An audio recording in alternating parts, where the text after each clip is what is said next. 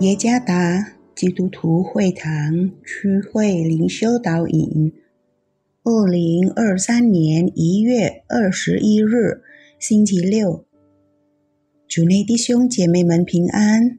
今天的灵修导引，我们要借着圣经以弗所书第二章第八到第十节来思想今天的主题：恩典之福音。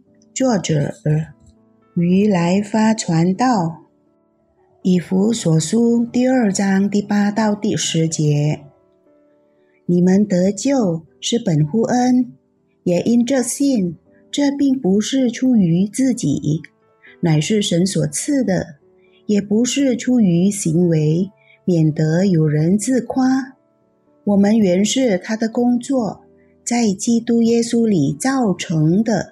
为要叫我们行善，就是神所预备叫我们行的。埃隆·马斯克收购了堆德公司，头一天就解雇了多位公司高管，其中一位就是堆德首席执行官帕拉格·阿格拉瓦尔。解雇他的原因是，企业的主人。和首席执行官对企业的愿景和使命有冲突。此外，堆的高管未能使堆的成为更好的社交媒体。我们所处的世界就是这样运作。在一间企业，员工必须有好的业绩，能理解企业的领导的要求。并且与领导保持一致的步伐，员工不能失误，否则他会被解雇。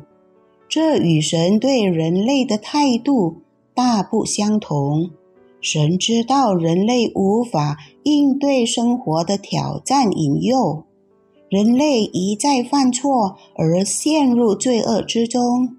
然而，他仍然主动的爱我们，甚至为我们牺牲了生命。不少人认为，神拯救人类是因为人类的善良，至少世上大多数宗教如此教导。但事实上，人类的良善无法弥补他曾经犯下的任何一个错误。从逻辑上来讲，一个罪犯不能仅仅因为他经常帮助别人而不受法律制裁。这就是为什么神的话确切地说：“你们得救是本乎恩，也因这信。这并不是出于自己，乃是神所赐的；也不是出于行为。”免得有人自夸。圣经清楚地告诉我们，救恩是神主动赐予，人类无法用任何东西买救恩。神知道我们无法救赎自己，所以把救恩赐给了我们。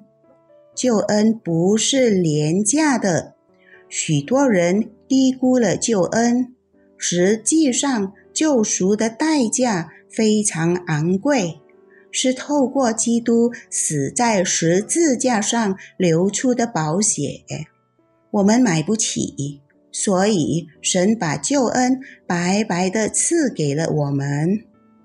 我们是否已经以正确的心态和思想接受了神的礼物？正确的心态和思想。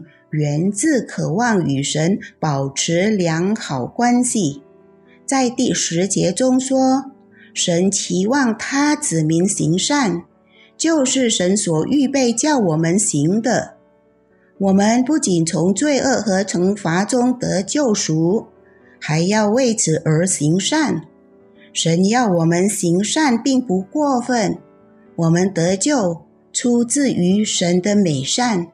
始于神的美善，要我们为神而行善，顺服替代了背叛。追求得着神里面的满足，超越追求满足肉体的欲望。